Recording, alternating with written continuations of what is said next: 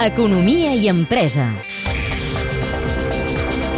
L'actualitat empresarial, laboral i econòmica a Catalunya Informació.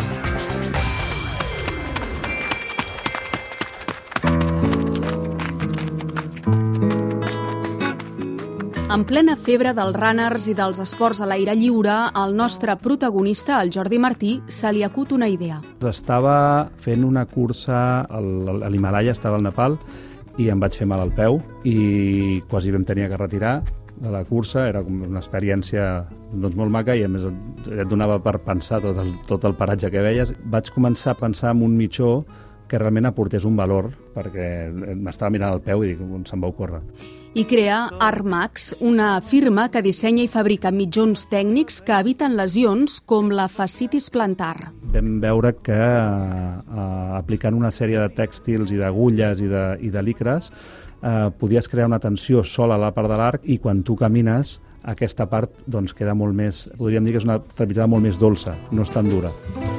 Una forma ben barata de passar pel psiquiatre corrent quan es pon el sol. Un reconegut podòleg que viu a Extremadura va validar-ne els resultats i a partir d'aquí l'atreviment i la sort van fer la resta. Vaig agafar una, una fira que fan als Estats Units d'esport, que és per professionals, i em vaig agafar un espai, em vaig agafar amb la meva maleta, vaig ficar un fotocall allà i vaig ficar quatre mitjons. Un gurú de la podologia esportiva dels Estats Units s'hi va fixar i els va posar d'exemple en una de les seves conferències.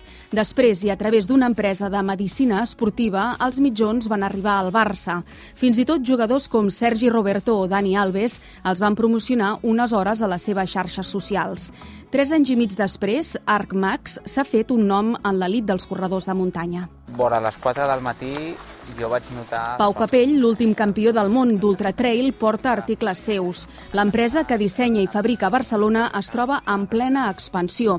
Actualment té més de 300 productes en catàleg i ven a una vintena de països. Acabem d'obrir empresa als Estats Units com a empresa de la marca eh, i des de Miami per distribuir per Centroamèrica i Sud-amèrica, però sobretot pel mercat americà, que necessita un abastiment totalment diferent parlem d'un mercat de 400 milions de persones. És un mercat més tècnic i tenim força confiança doncs, que pot funcionar bé. ArcMax ha agafat velocitat de creuer, però la seva és una cursa de fons. Tot i que s'han convertit en aliats tècnics de grans marques i estan oberts a possibles inversors, el seu fundador prefereix anar pas a pas i tocar de peus a terra. S'ha donat alguna oportunitat per ara, el que potser no era el moment, però qui sap què pot passar d'aquí uns mesos o d'aquí dos anys o per ara mateix eh, estem en ple creixement i, i sempre, sempre eh, oberts a totes les eh, bones notícies que ens puguin arribar i que sobretot em puguin ajudar a créixer amb aquesta emprenedoria, perquè tampoc oblidem que és una emprenedoria. És un reportatge de Laia Ortega amb el muntatge tècnic de Samuel Maceda. El teniu disponible al podcast de l'Economia i Empresa.